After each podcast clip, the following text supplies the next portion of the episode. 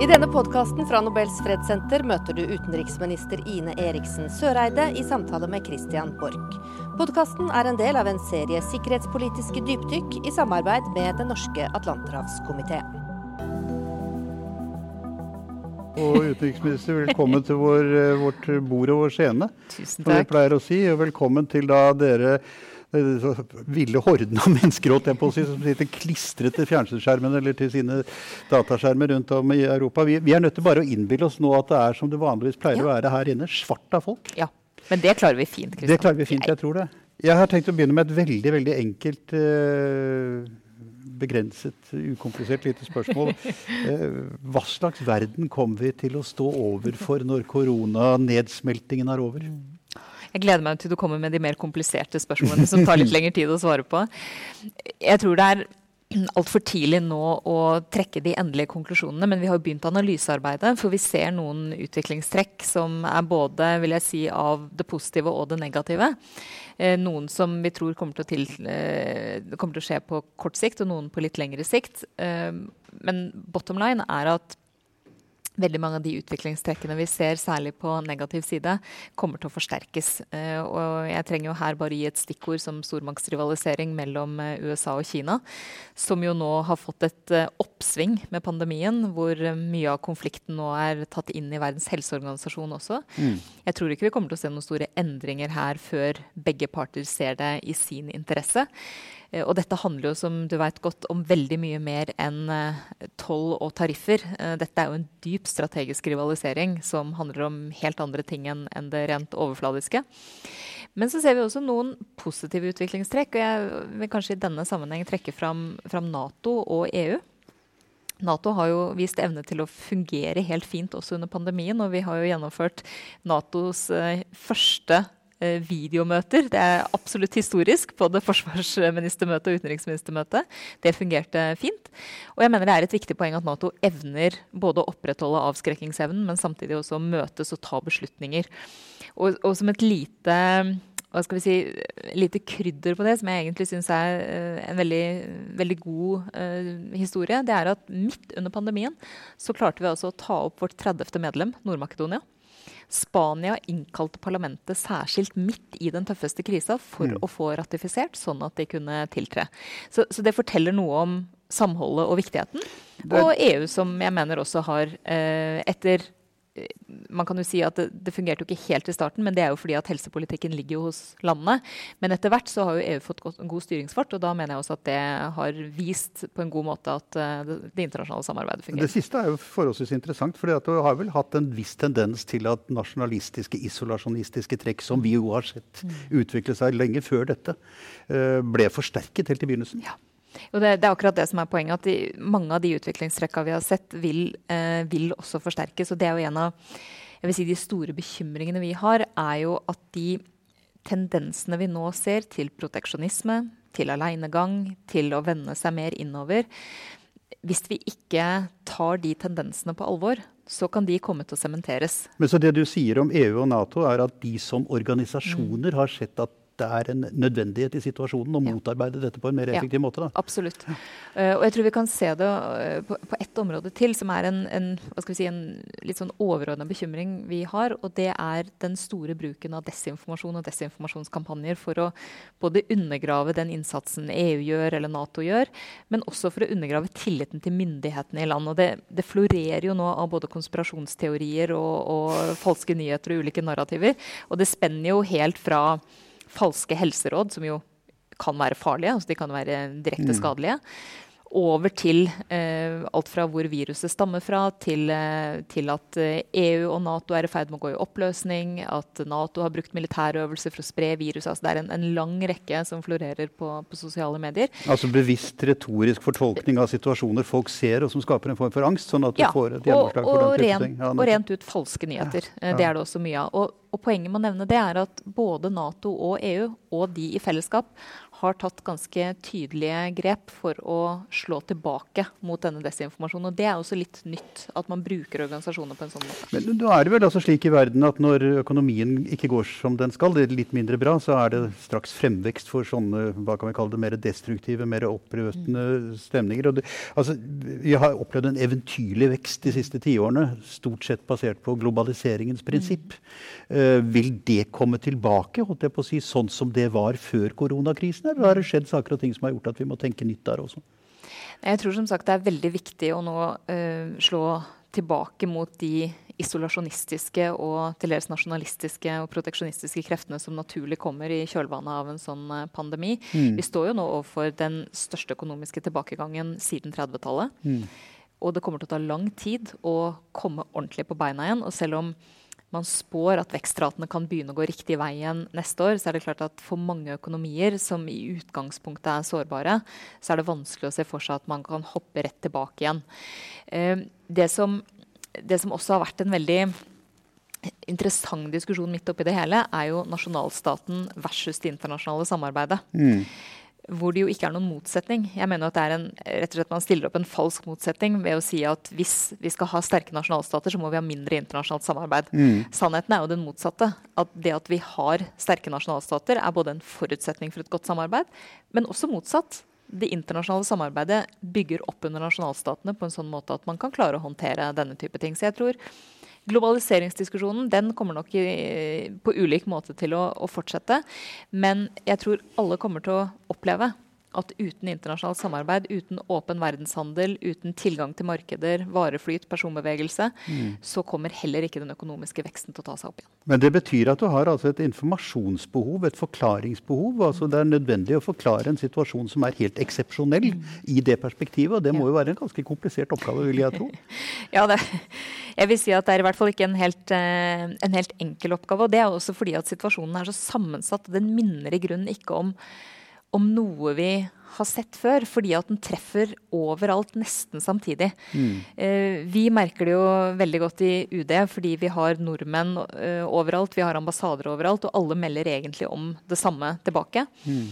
Men fra tidligere tider, altså hvis man går tilbake til finanskrise eller oljeprisfallet, så var jo det på sett og vis isolerte hendelser som enten var én bestemt ting, eller skjedde i én bestemt region. Mm. Nå skjer alt samtidig. Det skjer overalt.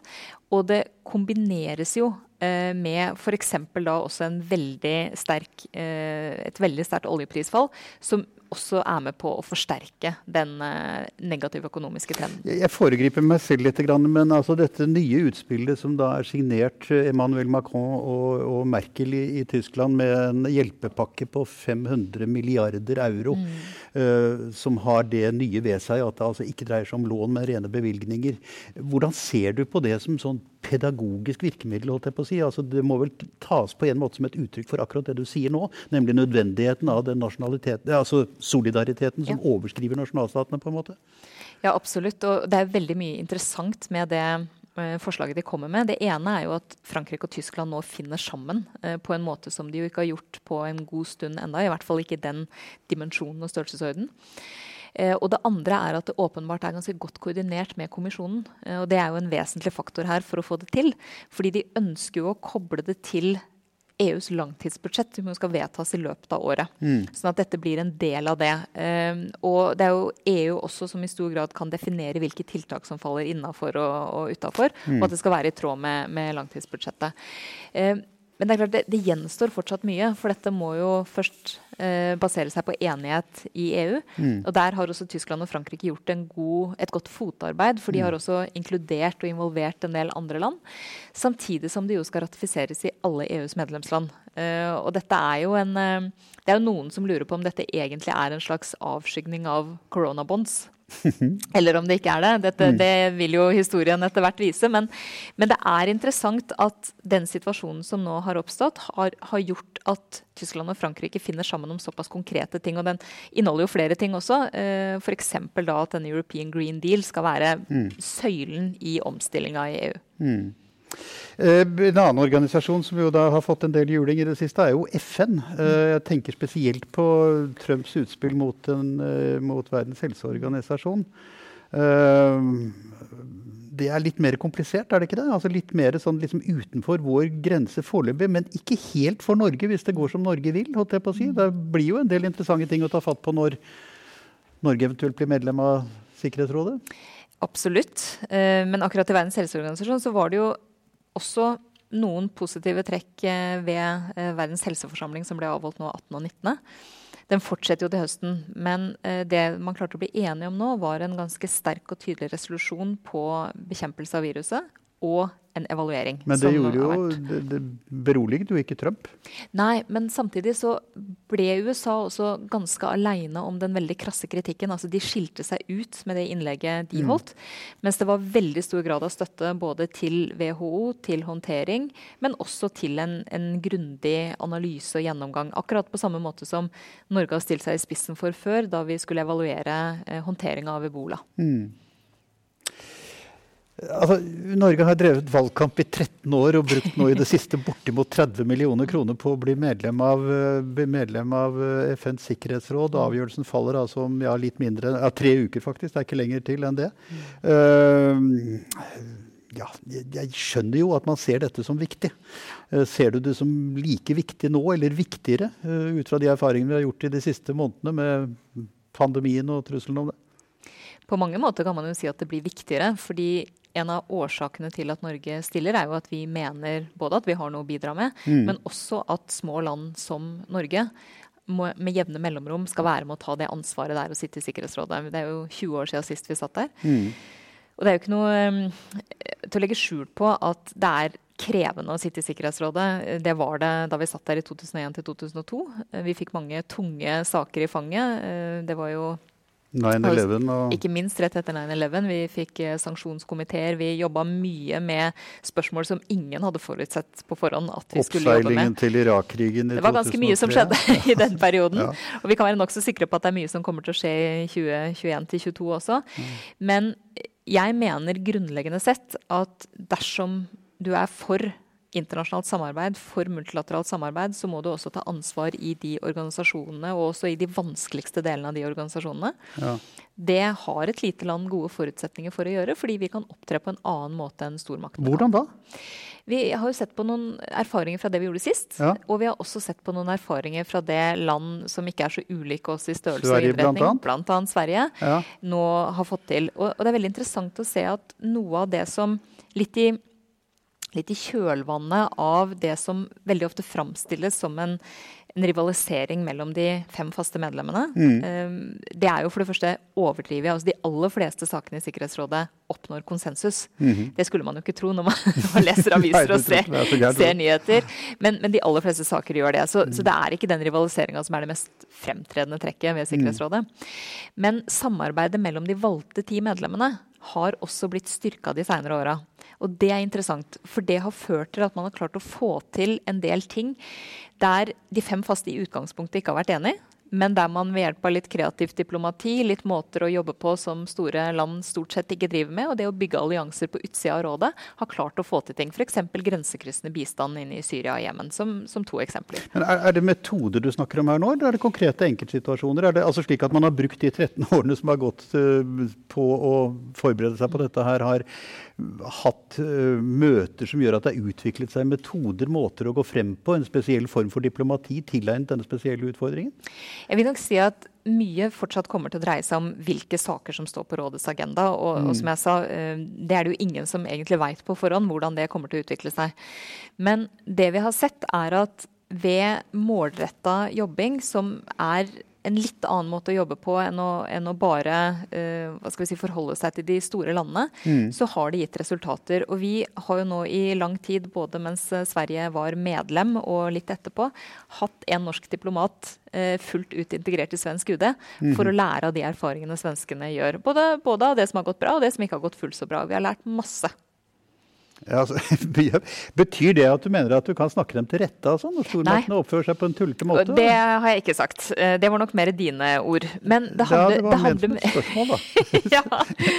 Nei, det handler mer om å bruke litt andre eh, arbeidsmetoder. Altså, vi er jo i, Hvis vi kommer inn i Sikkerhetsrådet, så er jo vi eh, veldig gjenkjennelige der. Altså, mm. Folk veit jo hva de får med Norge. Vi har en veldig lang innsats på internasjonal eh, fred- og forsoningsarbeid. Mm. Det er noe vi kan bidra til til å få inn i rådet på en litt annen måte. Dvs. Si å forsøke å forebygge og hindre at konflikter skjer. Mm. Mer enn bare å reparere skadene av det. Mm. Vi har med oss et nokså unikt nettverk, en unik kompetanse. Det er en litt annen måte å jobbe på, fordi vi har kunnet drive med det i 30-40 år. Mm. Utvikla metoder, jobba annerledes. Og det er mm. klart at er det noe Sikkerhetsrådet, også de fem faste medlemmene, trenger, eh, så er det til enhver tid at medlemmene av Sikkerhetsrådet utnytter den kompetansen de sjøl har, for å kunne løse saker. Men er ikke stormaktene så store at deres interesser eh, får en forrang fremfor de innspillene som kommer fra små land? Altså, men hvis du sier til ja, en av dem, da, for ikke å ta det altfor konkret foreløpig, at dette kan dere ikke gjøre, dette strider mot grunnleggende oppfatninger om det ene eller det andre osv., så, videre, og så, videre, så vil jo de med letthet da kunne blåse i Norge og si vi gjør som vi vil. Uh, fordi de har den tyngden. Altså, ja, men hvordan, hvordan, kan du få inn dette? Hvordan kan du slå kilen inn i sprekken, på en måte? Det handler jo i veldig stor grad om å, å, jobbe på en smart måte, sånn som vi syns svenskene gjorde med de resolusjonene om grensekryssende bistand, som i utgangspunktet var helt umulig å få til. Okay. Fordi at eh, det var eh, vetomakter som eh, satte seg imot det av ulike årsaker. Men de jobba da systematisk. De bygde allianser også utafor rådet. Bygde allianser mellom eh, medlemmene i Sikkerhetsrådet. Mm. Og fikk til ting som man ikke på forhånd trodde skulle være mulig. Og så sier jeg ikke at det er stor revolusjon. Mm. Men jeg tror det er viktig å understreke at selv om man er et lite land, så betyr ikke det at man ikke kan få til gode kompromisser og god politikk. Og det er jo det vi opplever i det daglige også. Selv om vi er et lite land, så opplever vi jo at vi har innflytelse fordi vi klarer å bygge allianser. Også med de store. ja, Men det du snakker om, er altså en form for uh, tilpasset diplomati, mer enn det å stå på prinsippene og smegle i bordet med menneskerettighetssynspunkter, likestillingssynspunkter og alt dette? Ja, men Det gjør vi jo også. Uh, og det er jo det som er det interessante mener jeg, med Norges kandidatur og kampanje sammenligna med mange andre land. Det er jo at folk veit veldig godt hva vi står for, på godt og vondt. Og noen liker det og syns det er fint og kommer til å stemme på Norge. Ja. Noen liker det ikke og vil ikke stemme på Norge. Uh, og uh, vi hadde et stort møte med afrikanske FN-ambassadører i går. Mm altså I disse pandemitider så rekker man jo over mye. Fordi man, ikke, ja, fordi man reiser jo ingen steder, Nei, så det er jo sånn sett greit. Men da sa uh, Ugandas FN-ambassadør noe veldig interessant. Han sier bare 'what you see is what you get'. Mm -hmm. Folk er veldig godt kjent med måten vi har jobba med fred og forsoning. De er veldig mm. godt kjent med vårt engasjement på menneskerettigheter og likestilling. Mm. Noen eh, syns det er i strid med deres interesser da eh, har de gitt uttrykk for det også før vi kommer inn i Sikkerhetsrådet. Mm. Andre syns det er veldig positivt og ønsker mer av det. Mm. Eh, så, så, det er et eksempel på, på måten vi jobber på. Vi vi, altså jeg vil ikke si at vi tilpasser diplomatiet, men vi har våre standpunkter, og vi er kreative. Mm. Og jeg tror vi har større spillerom for å være kreative enn det store land har. Eh, fordi vi, har, vi, er vant til å jobbe på den måten. Det, mm. Vi må jo forholde oss i det daglige til stormaktsrivalisering. Vi må forholde oss i det daglige til spørsmål om eh, menneskerettigheter eller likestilling. Så det er jo ikke, det er ikke sånn at det endrer seg i Sikkerhetsrådet. Det er bare det at da har vi en litt annen ramme rundt det vi jobber med. En annen, en annen terminologisk form også, kanskje? Ja, det kan man nok i en litt annen type. kanskje også si. Altså, en av de, når du går tilbake til fredsdiplomati, så er liksom en av de store flaggsakene i norsk nyere historie, i hvert fall, det er jo Oslo-avtalen og de fredsavtalen der, mm. og det den skulle hadde planer om å resultere i. Uh, hvordan ser du på Netanyahus, altså den israelske regjeringens planer om nå en gang for alle å annektere Vestbredden og derved antagelig sette punktum for ideen om en tostatsløsning? Vi har advart veldig sterkt mot det. Mm. Fordi dette er jo et, eh, et, ensidig skritt som kommer til som du sier, å undergrave mulighetene for en tostatsløsning. Men de gjør det altså med backing fra amerikanerne, fra den sittende regjeringen i USA? Det gjør de i og for seg. Ehm, så har jo Pompeo nettopp vært eh, og besøkt Israel, og var da veldig tydelig på at dette er en israelsk beslutning.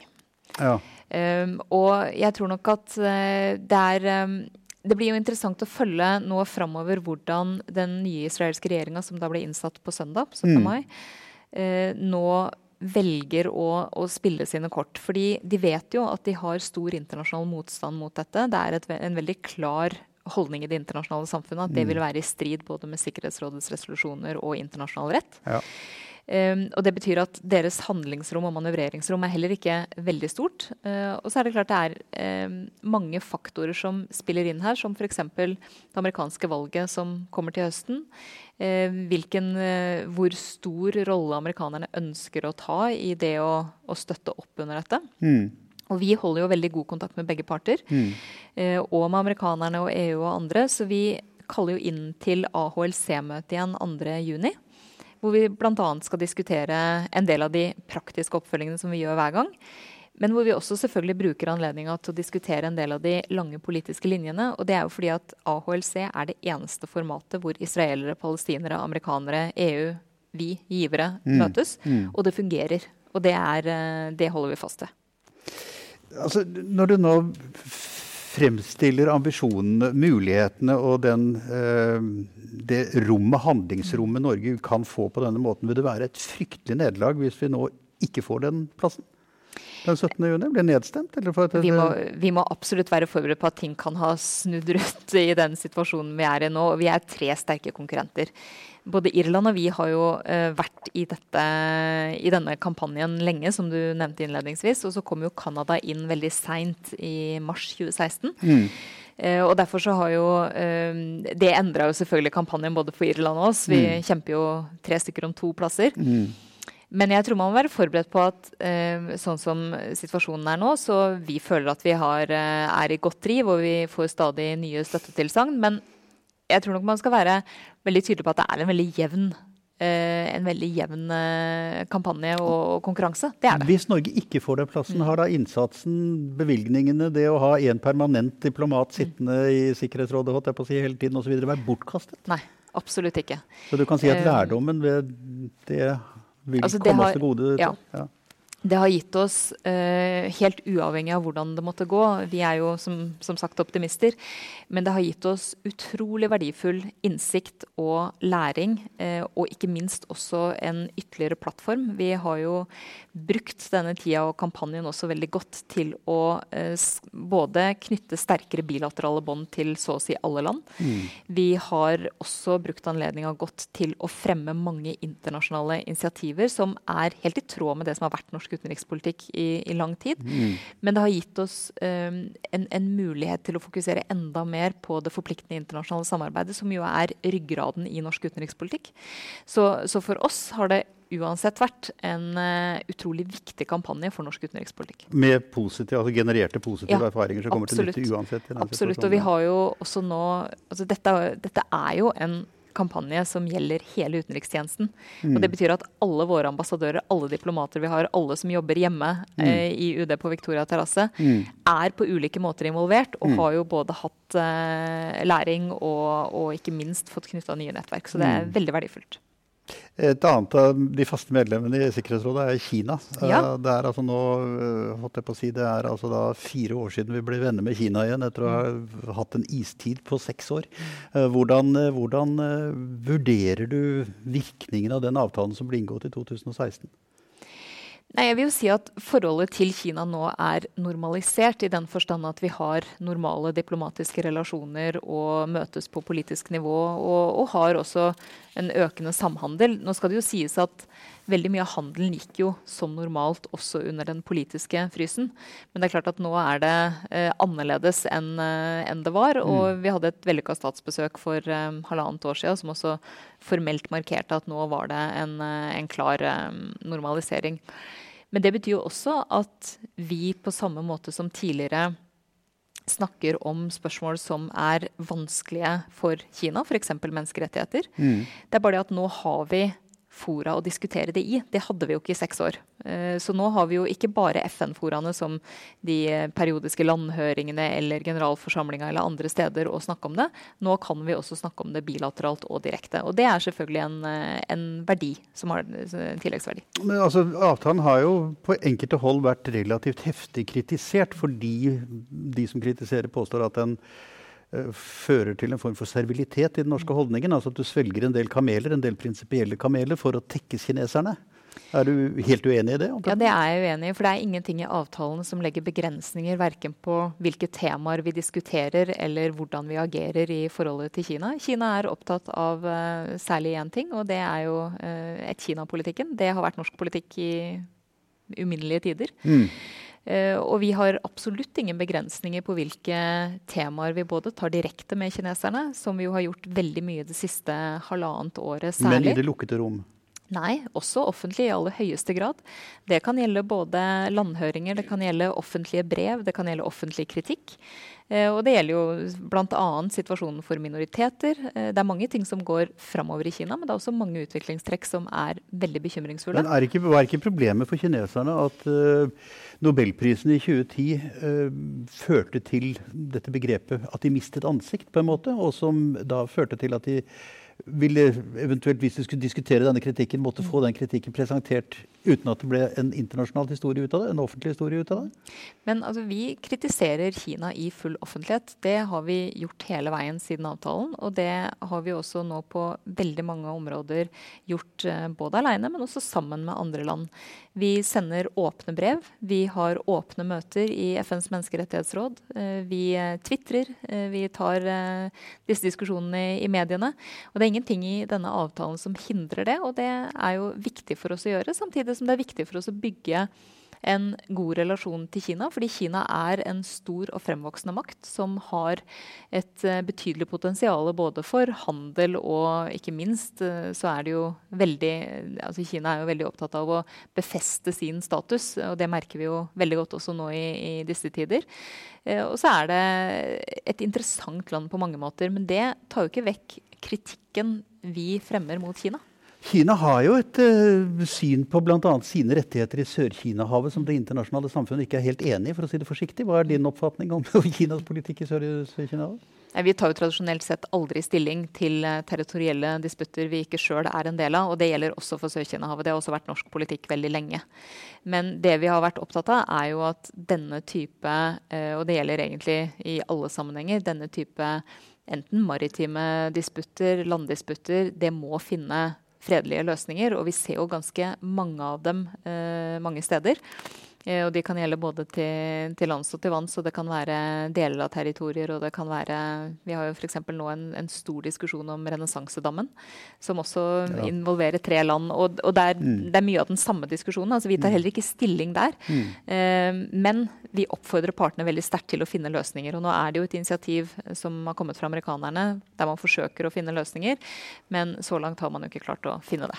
Et annet spørsmål er jo Norges forhold til menneskerettigheter og demokrati. Hva med Hongkong og kineserne? Kinesernes holdning til Hongkong i forbindelse med disse demonstrasjonene som vi så ganske sterkt eksponert for ikke lenge siden? Det er jo et av de områdene vi også har kritisert offentlig. Eh, mm. Hvor vi mener at man må ta hensyn til eh, både demokratiske rettigheter og det systemet eh, med ett land, to systemer, som jo også kineserne støtter opp under med Hongkong. Eh, og det er jo noe av det som har vært viktig for oss også i de diskusjonene, nemlig å understreke de tingene kineserne sjøl også er helt eh, enig i, og som de står bak. Og det har noen konsekvenser. Altså at man må respektere de systemene og, og respektere den friheten som Hongkong har.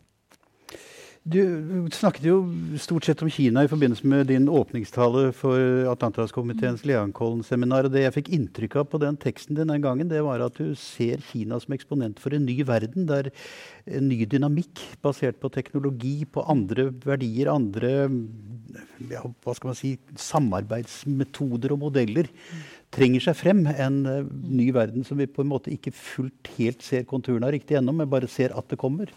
Uh, kan du si litt om det? Altså, er det slik at vi er på, en måte i et sånt interregnum på vei ut av forestillingene fra den kalde krigens tid, men ikke helt har funnet ut hva det er for noe? Og så ser vi på en måte dette komme i, i Kinas utvikling? Mm. Ja, det er veldig mange interessante utviklingstrekk med Kina som jeg var litt inne på. Um, og det jeg gjorde i den talen i åpninga av Leankollen, var jo å forsøke å bidra til å, å trekke fram alle de nyansene som er i utviklinga. at når vi snakker om Kinas utvikling, så er det veldig lett å tenke svart-hvitt. Den er enten god eller dårlig. Mm. Eh, den er enten konfronterende eller inkluderende. og det vi ser er jo tvert imot et veldig annerledes bilde, som er ganske nyansert. Eh, Kina har f.eks. de siste åra tatt en mye sterkere rolle på den internasjonale arenaen. Eh, mer opptatt av f.eks. innflytelse i multilaterale organisasjoner. Mm. Det har jo tidligere vært litt i motstrid til det Kina har tenkt, for de har tenkt ikke-innblanding. Det gjelder sånn at vi ikke ønsker at noen skal blande seg inn hos oss, og vi blander oss heller ikke inn. Mm. Nå er det annerledes. Og den 19. partikongressen eksempel, var jo et veldig tydelig skifte i retning av en mer framoverlent utenrikspolitikk, som man egentlig ikke hadde sett så veldig mye til før. Eh, nå blir det jo en ny partikongress eh, nå neste uke. Mm. Um, og det blir jo interessant også, eller slutten av denne uka, og det blir jo interessant å se også hvilken retning de går i der. Samtidig så er det jo sånn at vi i mange av forestillingene våre fortsatt tenker at um, når det gjelder det økonomiske og og eh, f.eks. produksjon av varer, så tenker vi at Kina er eh, et land hvor det er billig arbeidskraft, og de produserer eh, enkle og billige varer. Mm. Det vi da overser, er at Kina jo ligger svært langt framme f.eks. på kunstig intelligens og på gen- og bioteknologi. Sånn at Mitt poeng da var å forsøke å, å vise de fasettene. Vise at det på noen områder, som f.eks økonomisk utvikling har gått bra i Kina. Det har gjort at færre er fattige. Det er et positivt tegn i seg selv. Mm. Men vi ser også tilstramming på mange områder, som f.eks. sivile og politiske rettigheter. Mm. Og det er jo nettopp den dualiteten som er eh, interessant med Kinas utvikling, der vi må støtte opp under de tingene vi mener går i riktig retning, og samtidig kritisere og ta opp de tingene vi mener går i feil retning. Og, det, og bare hvis jeg kan få legge til det, fordi Nå framover blir det veldig interessant å se. fordi 2020 eh, skulle egentlig være det året som egentlig satt punktum for den store jobben med å redusere fattigdommen i Kina. Og når Kina nå for første gang på 30 år kommer til å få negativ økonomisk vekst, mm. så kan det stå i fare. Og spørsmålet er jo da hvilken konsekvens får det? Får det den konsekvensen at man nå på Folkekongressen eh, i slutten av uka strammer til mer ideologisk? Mm. Eh, får det den konsekvensen at man eh, får en mer hva skal vi si, innoverretta kinesisk politikk igjen, eh, mm. versus det at den er mer hva skal vi si, utadretta? Alt dette blir det veldig spennende å følge med på. Jeg har ikke svara nå, det er for tidlig å si. Men dette er jo sant, store konsekvenser for kommunistpartiet i Kina. At, at, man kan komme i en situasjon hvor selve samfunnsmodellen også utfordres. Men altså, det, du kan godt si at du ikke kan si hva som skjer, men det du i hvert fall vet, er at tankemodellene er relativt forskjellige her. Mm. Altså Den kinesiske tankemetoden, altså måten å se verden på, sin egen posisjon i verden på, skiller seg prinsipielt uh, fra det du finner i de liberale demokratiene, i hvert fall. Uh, jeg håper å si Det skal jo da et paradigmeskifte til, altså et sånn kinesisk intellektuelt paradigmeskifte til for å få åpning for de verdiene vi representerer, eller som Norge da ikke sant, står for, vil jeg tro. Mm.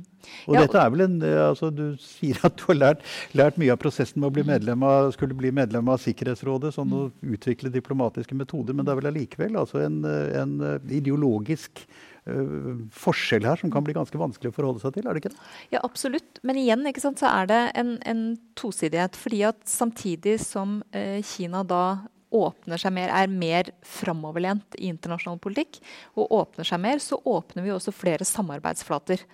Og veldig mange av de samarbeidsflatene er jo innfallsporter til andre ting. F.eks. er jo kineserne veldig interessert i norsk vintersport. De er veldig interessert i å lære å gå på langrennsski, lære skiskyting. Mm. Eh, og vi ser at det samarbeidet blomstrer. Det er faktisk veldig interessant. Og det er også for Kina et folkehelseperspektiv. De ønsker å ha mange millioner kinesere på langrennsski, også av folkehelseårsaker. Kong Harald ble jo bedt om å lære dem hvordan de skulle oppføre seg for å få gullmedalje, og han svarte jo at det kan jeg ikke. Men jeg kan lære dere å bli nummer to. Det er helt riktig. Ja. Han var veldig nøye på det at de kunne få bli en god nummer to, ja. men, uh, men, ikke vinne medaljene som Norge ellers skulle vinne. Ja. Så der, der, ser man jo et langt åpnere Kina enn det man har sett eh, i mange andre sammenhenger. Og så er det jo da, som du sier, den den grenseflata blir jo da at man strammer til på andre områder. Det er jo ikke ulikt utvikling man ser f.eks. i, i Saudi-Arabia. Eh, hvor man mm. åpner veldig på noen områder og strammer til på andre områder. Mitt poeng er bare at det den utviklinga har lært oss, er punkt én Kina er viktig. Kina er viktig å engasjere i multilaterale organisasjoner. Vi mm. kommer ikke til å klare å løse klimaendringene uten Kina. Det er helt åpenbart. Og da må vi ha Kina med engasjert, og de er veldig engasjert, i klima- og miljøspørsmål. Mm. På den annen side så åpner de nye samarbeidsflatene også for en bredere og bedre dialog om det som er vanskelig i den kontaktflata. Om menneskerettigheter. Om hele bildet med ja, hele bildet med sivile og politiske rettigheter. Mm. Og Det betyr ikke at man klarer å endre ting over natta. Eh, og det betyr ikke heller at Norge alene kommer til å klare å gjøre den jobben. Men jeg bare ser at alternativet, hvis vi f.eks. ikke har politisk kontakt, er jo at vi ikke kan ha den dialogen. Mm, mm. Hvis vi ikke har flere kontaktflater og har et veldig altså, Som jeg sa, sa på Leankollen også, Norge har jo ikke et endimensjonalt forhold til noe land. Heller ikke Kina. Og det er det viktig å huske på. Mm.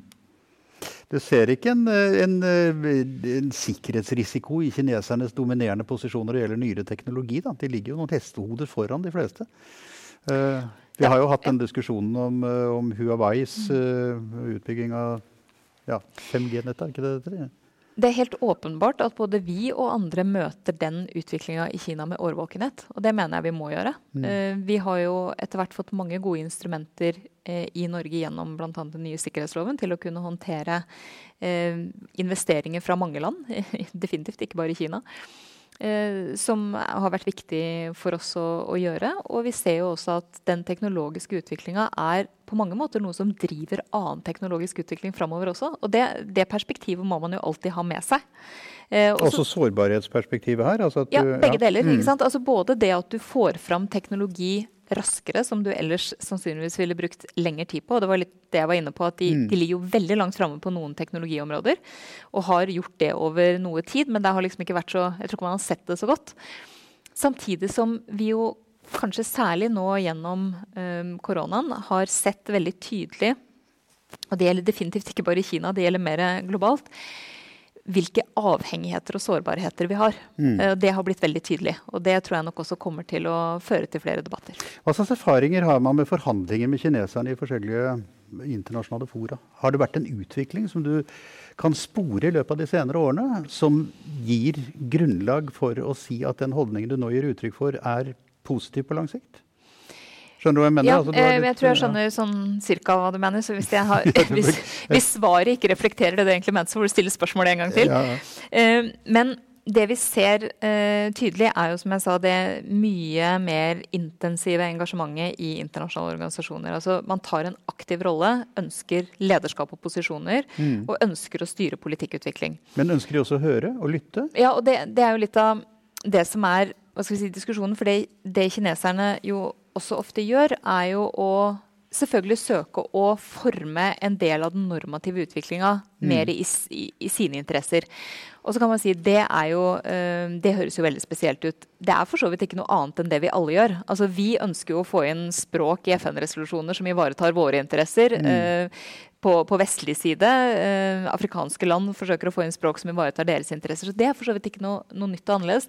Det som er nytt og annerledes, er jo hvor mye kineserne engasjerer seg. Og jeg mm. mener grunnleggende sett det er positivt hvis vi eh, klarer å balansere ut de ulike interessene, sånn at ikke heller Kina får en for dominerende rolle i, eh, i eh, internasjonale organisasjoner.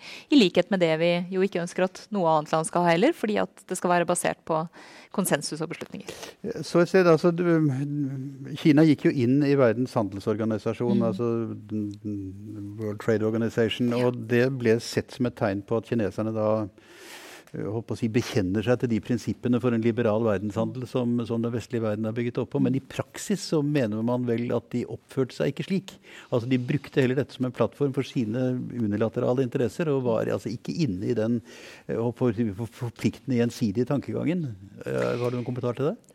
Jeg vil nok si at det har nok variert litt over tid. Det som er en av utfordringene, og det er jo noe som jeg tror alle i, ser, og alle medlemmene av Verdens handelsorganisasjon ser, er jo at så lenge man eh, fortsetter, eh, kan fortsette på egen hånd å definere hvorvidt man er et utviklingsland eller en framvoksende økonomi, mm. så er det klart at det skaper noen utfordringer. For Kina er verdens nest største økonomi. Eh, og ja, dermed så, ja, mm. så, så er det ikke gitt og naturlig at Kina heller skal defineres som et uh, utviklingsland. Satt på spissen og sagt litt forenklet, så ser jo altså kineserne åpningen av Nordøstpassasjen nord for mm. Norge gjennom Barentshavet osv. som en forlengelse av den gamle Silkeveien. altså Som en åpning for liksom ny handel den andre veien. Uh, hvordan skal vi forholde oss til det? holdt jeg på å si? Det skaper vel endringer i uh, innflytelsesforholdene i nordområdene, vil jeg tro. Nei, altså, Vi har en veldig klar politikk på det, og den er vi jo ikke aleine om. Vi jobber jo mye gjennom Arktisk råd, hvor Kina er ambassadør. Nei, mm. unnskyld. observatør. observatør ja. Tenkte jeg på ambassadør, men så ble det, skulle det være observatør. Um, vi har vært veldig klare på det i fellesskapet at når Kina nå viser større interesse for Arktis, mm. så er det noe som på mange områder er positivt. Vi har jo hatt et langvarig forskningssamarbeid f.eks. For de har jo vært til stede på Svalbard lenge med mm. forskningsstasjon og, og jobba sammen med norske og andre utenlandske forskere. Men den økte aktiviteten og interessen må skje innenfor de rammene som allerede ligger i Arktis. Altså Vi har et godt rammeverk mm. som alle arktiske stater forholder seg til, og som bidrar til at vi både har et lavspenningsområde relativt sett, men også at vi har felles kjøreregler som alle forholder seg til. Og Det må også nye aktører som viser interesse, eh, forholde seg til på samme måte. Uh, russerne har jo, hvordan skal vi si det, kanskje vist tenner på en litt annen måte enn før med sitt brev om norsk suverenitetshåndhevelse på Svalbard i det siste. Altså Jeg er klar over at det ikke er noe nytt i argumentasjonen, men det er vel første gang de går såpass bombastisk ut i det offentlige rom med sin kritikk. Uh, representerer ja. det en ny holdning? Nei, altså Både ja og nei. fordi uh, som sagt, argumentene er velkjente. Og det kommer jevnlig den type henvendelser til mm. Norge. Og vi besvarer dem på akkurat samme måte hver gang. Ikke bare fra Russland? Nei, også fra Russland. Vi har, en, ja, vi har en, en, lang rekke med både noter og brev og andre ting som har kommet, hvor, mm. hvor de gir uttrykk for, for, sitt syn. Eh, vi er jo tilsvarende klare tilbake på hva som både er norsk syn, og hva som er i tråd med Svalbardtraktaten og, og folkeretten. Eh, at det er økt interesse for Arktis, det er ikke veldig overraskende. Og en av årsakene til det er eh, dels en kommersiell. Altså man ser jo på sikt, det er ikke akkurat nå, men på sikt, at når eh, isen smelter enda mer, så åpner det seg kommersielle muligheter. Mm. Men det har jo foreløpig ikke slått til. Det har man egentlig snakka om i ti år uten at det egentlig har eh, slått spesielt mye til.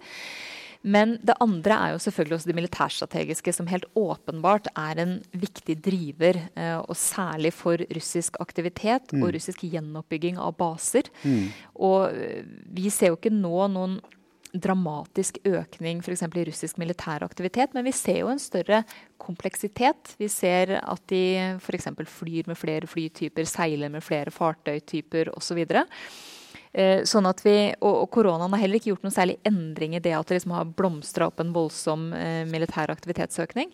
Men det er jo blant de tingene som er med på å definere eh, norsk utenriks- og sikkerhetspolitikk. Det har det alltid gjort, mm. og det kommer det også alltid til å gjøre. Ja, det, blir vel, det, blir vel en, det blir vel med. Altså, de har jo fremlagt en 15-årsplan for den kommersielle aktiviteten sin i, altså i Svalbard, nei, Barentshavregionen mm. bl.a. Det er vel en del uh, som snakker om at den gamle ideen om et mare sovjetikum fra sovjettiden nå er blitt et slags mare russikum sett fra, fra Putins synsvinkel her.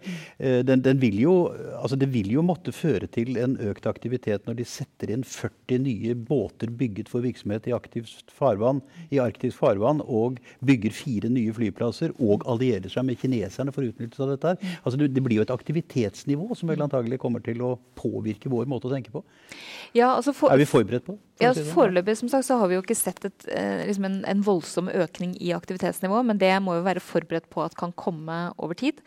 Og den russisk-kinesiske alliansen er jo i særlig grad også der eh, det, det, som binder dem sammen, er jo interessefellesskapet om å stå sammen mot USA. Ja. Eh, så, så, det er nok mer det enn at de gjensidig ønsker eh, å bygge opp under hverandres interesser, som, mm. som jeg tror er nokså drivende for, for det som skjer. Men det er helt åpenbart at det at nordområdene øker i militærstrategisk betydning, er noe som også har konsekvenser for vår politikk. Vi er jo veldig opptatt av å videreføre den linja vi gjør, med et godt praktisk samarbeid over grensene. At vi har et lavspenningsområde, at alle forholder seg til internasjonal rett. Og det gjelder jo også russerne. Men at vi samtidig må være klar over at når, når vi nå i 2020 og framover gjør vår omverdensanalyse, så er det jo ikke tilfeldig at Nato på ledermøtet, som ikke da var et toppmøte i fjor, mm er opptatt av Kina. Ikke fordi at Kina utgjør en militær trussel mot Nato, eller at Nato skal ha et militært svar. Men det er umulig å se de geopolitiske omveltningene som skjer rundt oss, uten å forstå Kinas rolle, uten å forstå Russlands rolle. Mm. Og da inngår nordområdene i den kalkulasjonen. Ja, Du nevnte USA i forbindelse med nordområdene her. Mm. altså Mike Pompeo dukket plutselig opp på Arktisk råds møte i uh, Rovaniemi for et års tid mm. siden. Uh, var det uh, ugreit, på en måte? Altså, han brukte jo et relativt barskt språk mot i hvert fall noen av medlemmene der. Eh, ja, du kan si at språkføringa fra amerikanerne på en del av de områdene her er annerledes nå enn den var før. Og det, det er det jo ingen grunn til å, til å legge skjul på. Det er veldig eh, vanskelig å legge skjul på det. Veldig vanskelig, ja. så det, det, skal jeg ikke gjøre. Men substansen og innholdet i det han sa, var jo i essens det samme jeg nettopp sa, om at når nye aktører kommer inn i Arktis, så må de forholde seg til det rammeverket som ligger der. Eh, og det er vi alle enig i. Og så kan man diskutere formen og man kan diskutere timing, og det er mye man kan diskutere. men det få diskuterer, som jeg mener er en viktig side ved det møtet i Arktisk råd, var at der liksom mange mener at amerikanerne nå liksom trekker seg ut av eh, samarbeidsplattformer, Arktisk råd osv. Så, mm. så er det møtet et veldig godt eksempel på det motsatte. Hvor vi for første gang, eller unnskyld, for andre gang i Arktisk råds historie var ministre fra alle åtte stater. Mm. Det i seg sjøl eh, vitner om eh, prioritering. Og det andre er at eh, selv om vi da ikke ble enige om en politisk erklæring, som er jo, jo, er det vanlige, så ble vi enige om å videreføre arbeidsprogrammet, og amerikanerne bidrar usedvanlig konstruktivt til det. Sammen med russere, sammen med oss, sammen med andre. Så av og til så tror jeg man må um, jeg har vel sagt en gang at i stedet for å se på Twitter-feeden til presidenten, og det uh, tror jeg nok jeg vil stå ved, mm. uh, så må vi skrape litt under overflata og se hvilket arbeid som faktisk pågår, hvilket samarbeid som faktisk pågår. Og vi uttrykker uenighet med USA når vi er uenige, som f.eks. om Verdens helseorganisasjon eller om annektering eh, av deler av Vestbredden. Men USA er og forblir vår viktigste allierte. USA gjennomførte en flåteøvelse i Barentshavet for eh, en måned siden. Mm. Eller ikke det engang. Kom det overraskende på norske myndigheter? Nei, altså, dette er jo egentlig noe vi har ønska over tid. Uh, men Norge gitt... var ikke med? Nei, men det er ikke alltid heller avgjørende at Norge er. Altså, dette var en britisk-amerikansk øvelse som uh, ikke skjedde i norsk farvann, uh, men i internasjonalt farvann. Og det er jo en aktivitet og en type aktivitet vi har ønska mer av, fordi vi ønsker amerikansk tilstedeværelse og situasjonsforståelse i nordområdene. Selv om vi er veldig tydelige på at i en Nato-kontekst så er jo vi er jo på mange måter det, noe av det viktigste Nato har i nordområdene, fordi vi har en så både et, et, naboskap som er fungerende, og vi har en situasjonsforståelse i nordområdene som er ganske unik. Mm. Det vi jo gjorde for litt siden, som, som, du sikkert også husker, var jo å ha eh, en øvelse, en luftøvelse, eh, hvor også Norge var med. Så det vil variere litt fra, fra gang til gang.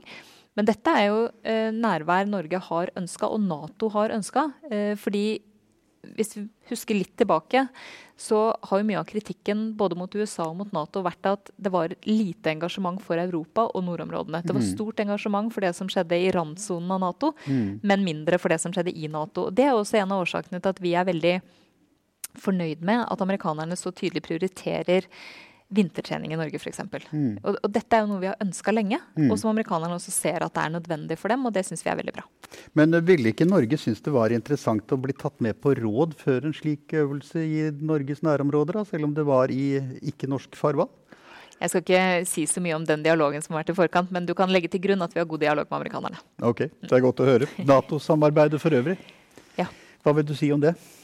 Jeg mener at Nato har vist veldig tydelig både relevansen, men også at det er en organisasjon som har kommet sterkere gjennom en del omveltninger. Eh, det betyr ikke at det er friksjonsfritt, det betyr ikke at det er problemfritt.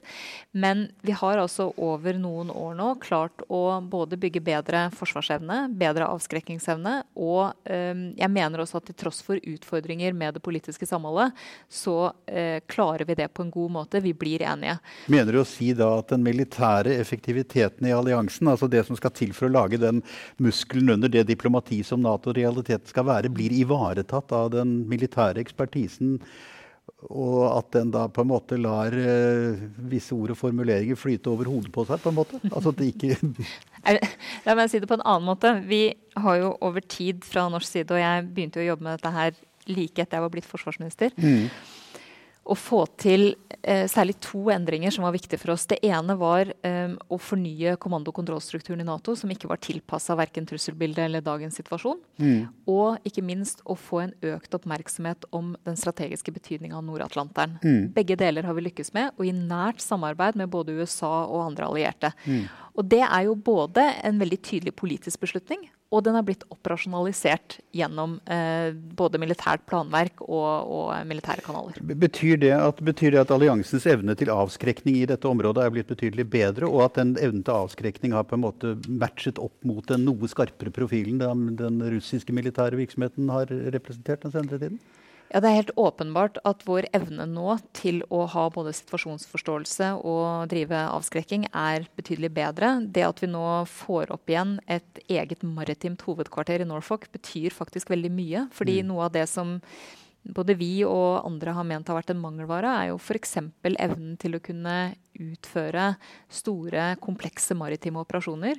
Og er det noe vi vet, så er det jo at Nord-Atlanterens strategiske betydning ikke blir mindre, snarere tvert imot. Eh, det at man får nye russiske kapasiteter, som f.eks. Sevrodvinsk-ubåter, som er mm. både stillegående og kapable. Mm.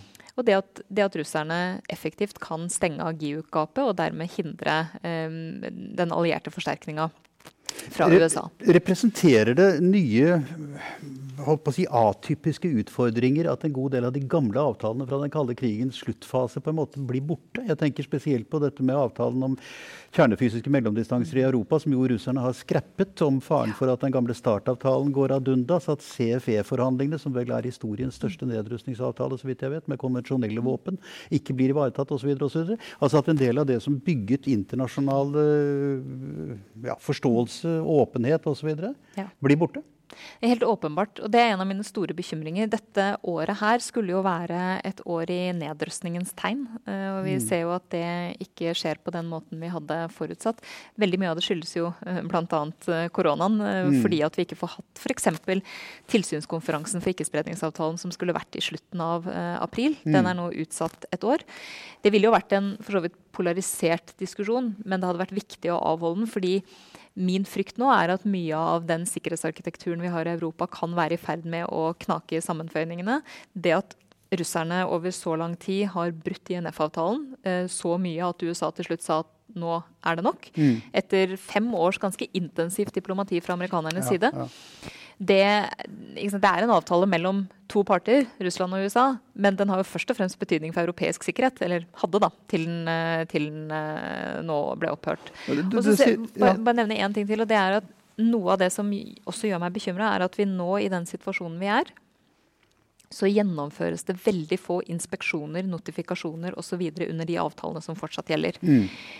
Hvis ikke det kommer i gang igjen, så kan det være en, en, forsterkende driver til at mange av disse avtalene enten ikke blir fornya, mm. eller bare forsvinner. Nå er det jo vel altså slik at uh, Europas sikkerhet knaker i sammenføyningene også av helt andre grunner, nemlig spesielt på utviklingen i uh, ja, Nord-Afrika, i den muslimske verden for øvrig, fremveksten av eh, terrorisme etc. Og vi vet jo, etter til en del sånne demografiske utredninger, at befolkningsøkningen kommer til å bli ganske voldsom mens det politiske rammeverket er for dårlig i regionen. Uh, er vi tilstrekkelig rustet for dette? Nato har jo tatt dette inn over seg for lenge siden mm. og har jo vært veldig aktiv i eh, både terrorbekjempelse og det å kunne håndtere en annen type trusler, mm. uh, fra, særlig da fra, fra Natos uh, randsone.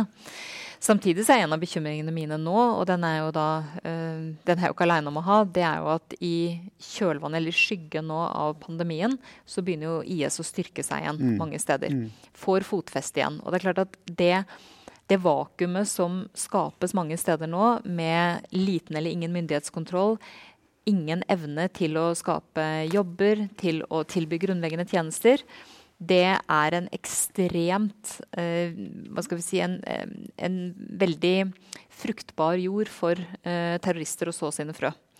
Eh, og der man veldig, veldig, tydelig ser, på samme måte som man jo har sett tidligere, at de kapitaliserer på både usikkerhet og fortvilelse og nød.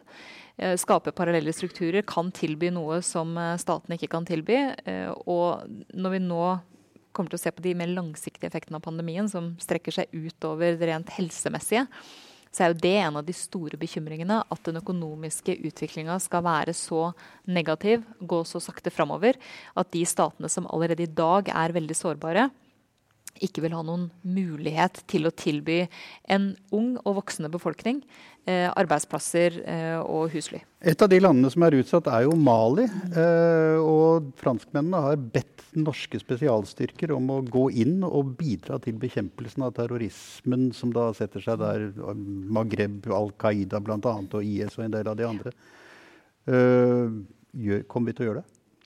Altså, dette er jo noe i likhet med alle andre operasjoner som vi løpende må vurdere. Men vi har jo konsentrert vårt engasjement i Mali rundt egentlig eh, to faktorer. Det ene er MINUSMA-operasjonen, mm. hvor vi jo stilte med en nyskapning. Eh, som vi, vi, faktisk var de nordiske forsvarsministrene om bord på en svensk fregatt på et møte vi hadde. Eh, I en pause begynte å diskutere, fordi vi, vi fant ut at vi ønska alle å være til stede. Vi ønska å gi FN og operasjonen forutsigbarhet. Og dermed så fikk vi ideen til denne rotasjonsordninga for transportfly som har vært veldig vellykka, og som mm. FN også har satt veldig stor pris på. Vi har konsentrert vårt engasjement i FN-operasjonen, men vi har også brukt veldig mye tid og ressurser både på politisk sett et eget rammeverk for aktiviteten vår i Sahel. Mm. Mye mer økonomisk støtte til sårbare stater, fordi mm. vi vet veldig godt at klarer vi ikke å stabilisere, så klarer vi heller ikke å skape fred. Og vi har økt også det politiske engasjementet ved at vi nå nylig også um, eh, åpna en ambassade i Bamako. Det, Men du, du, mener, du, mener, at dette er nok? Liksom, at det nei, er da ikke noen grunn til å sette inn de norske spesialstyrkene? Nei, poenget mitt er bare at vi er engasjert både militært, økonomisk og politisk. Mm. Eh, Men vil vi også bli engasjert også, med de spesialstyrkene? Og så vil det til enhver tid være en diskusjon om eh, hvilke operasjoner og hvilke kanaler vi skal bruke. Det, sånn er det alltid. Ja. Men vi har en langvarig Ehm, et langvarig engasjement gjennom MINUSMA. Og vi drifter jo også campen der, sånn at de som kommer inn med fly, eh, bare kan plug and play, sånn at de eh, slipper å bygge opp leir og ta den ned igjen. Og så får vi se og vurdere hvor vi best kan utnytte de fortrinnene vi har. Jeg skal ikke være ekkel, men Betyr det du sier nå at vi ikke kommer til å sende norske spesialstyrker til Hvis vi, Som du sikkert har sett også, så sender vi ikke det nå. Men Nei. som jeg sier, samtidig er det jo alltid en løpende vurdering av uh, av hvor vi skal ha engasjementet vårt hen. Vi var innledningsvis inne på dette med tendensene til isolasjonisme, til nasjonalisme, til aleingang i EU bl.a. Mm. Og det er jo ikke tvil om at før pandemien så var det en del urovekkende trekk i noen av disse landene. Visegrad-landene bl.a. Ungarn, Polen spesielt. Polen mottar ganske mye norske penger. Har, har du noen eh, følelse av at du kan øve noen innflytelse på den politiske utviklingen? Eh, vi gjør neppe det aleine, men vi gjør nå veldig mye i nordisk og europeisk krets. Mm. Og vi er jo ikke de eneste som har de bekymringene her. EU har dem jo sjøl også, både, mm. særlig med Polen og Ungarn. Og uh, et veldig konkret uttrykk for det er at vi, vi har brukt vi brukte lang tid på å komme fram til en avtale, en rammeavtale med Polen om EØS-midlene. Og det gjelder jo særlig eh, forvaltningen av Fondet for sivilt samfunn, som mm. vi som givere krever at skal være uavhengig av myndighetene. Fordi at dette skal være det rommet og den finansieringa som jo i mange tilfeller er nesten den eneste sivilsamfunn mm, mm. har. Men vi ble enige. Eh, men nå for ikke lenge siden så utsatte vi signering av samarbeid om justisprogrammet fordi vi mener at eh, det går i feil retning knytta særlig til domstolene i Polen. Og Domstolsadministrasjonen som norsk partner ønska heller ikke å signere. sånn at der gjør vi nå nye vurderinger. Mm. Så vi har absolutt um, muligheten til å, å si, bruke den kontakten, den bilaterale kontakten vi har gjennom EØS-midlene. Men vi kommer jo ikke alene til å klare å snu en utvikling. Og det er på samme måte som Ungarn nå er det eneste landet vi ikke har klart å bli enige med mm. uh, om en rammeavtale. Og det er fordi vi står veldig klart og tydelig på det kravet om mm. uavhengighet. Mm. Altså, verden er stor, og en time er altså forbausende lite når man skal snakke om alt som er inni den. på en måte. Vi har ikke noe særlig mer tid igjen. Jeg bare for å stille deg ett spørsmål. Altså, det som slo meg her nylig, var at du ble intervjuet Ket Hansen Bundt ble intervjuet. Anniken Huitfeldt ble intervjuet om verdensfredens ja. fremtid i forbindelse med jeg kan ikke huske hvilken forbindelse, jo det var i forbindelse 8. Med, med 8. mai. Ja, mm. riktig. Så har vi altså en kvinnelig president i EU-kommisjonen. Vi har en kvinnelig sjef for eh, Den europeiske sentralbanken, som mange anser for å være det viktigste. Og Angela Merkel er i ferd med å reise seg fra asken holdt jeg på å si, som en fugl, føniks. Absolutt. Det er jækla mye kvinner. Altså, på en måte. Og vi har jo en kvinnelig statsminister. Og vi har en kvinnelig statsminister, det glemte jeg. Ja. Ikke minst, det glemte jeg ikke. Nei, bare nei, ikke det, Kristian, at du, at du glemte Ja, det. men Betyr dette her at FN-resolusjon 1325 virkelig har fungert? Ja, det vil jeg si. Og så vil jeg jo si at, eh, at kvinner har vist eh, vei og lederskap. Og jeg så en artikkel i Forbes her for litt siden som eh, sikkert var også litt sånn kuriøst ment. Men de mente jo det at alle de landene som hadde klart å håndtere pandemien best, Ja. hadde kvinnelige ledere. Ja. Nå sier jeg ikke at det dermed betyr at mannlige ledere håndterer pandemien dårlig. Tvert imot. Og jeg tror nok at det var litt av det mer kuriøse slaget. Men eh, jeg mener jo absolutt eh, det viser eh, veldig tydelig at eh, nå er vi i en tidsalder hvor kvinnelig lederskap også er etterspurt. I den grad man kan si at alt kvinnelig lederskap ser likt ut. Det tror jeg ikke. På dette punkt så starter det altså da med vinden bakfra i seilene hvis du går inn i, går inn i Sikkerhetsrådet. På akkurat det punktet, i hvert Ja, fall. absolutt. absolutt. Takk for at du var og stilte deg til disposisjon. Det har vært en tour to d'horizon. Tusen takk for at jeg fikk komme.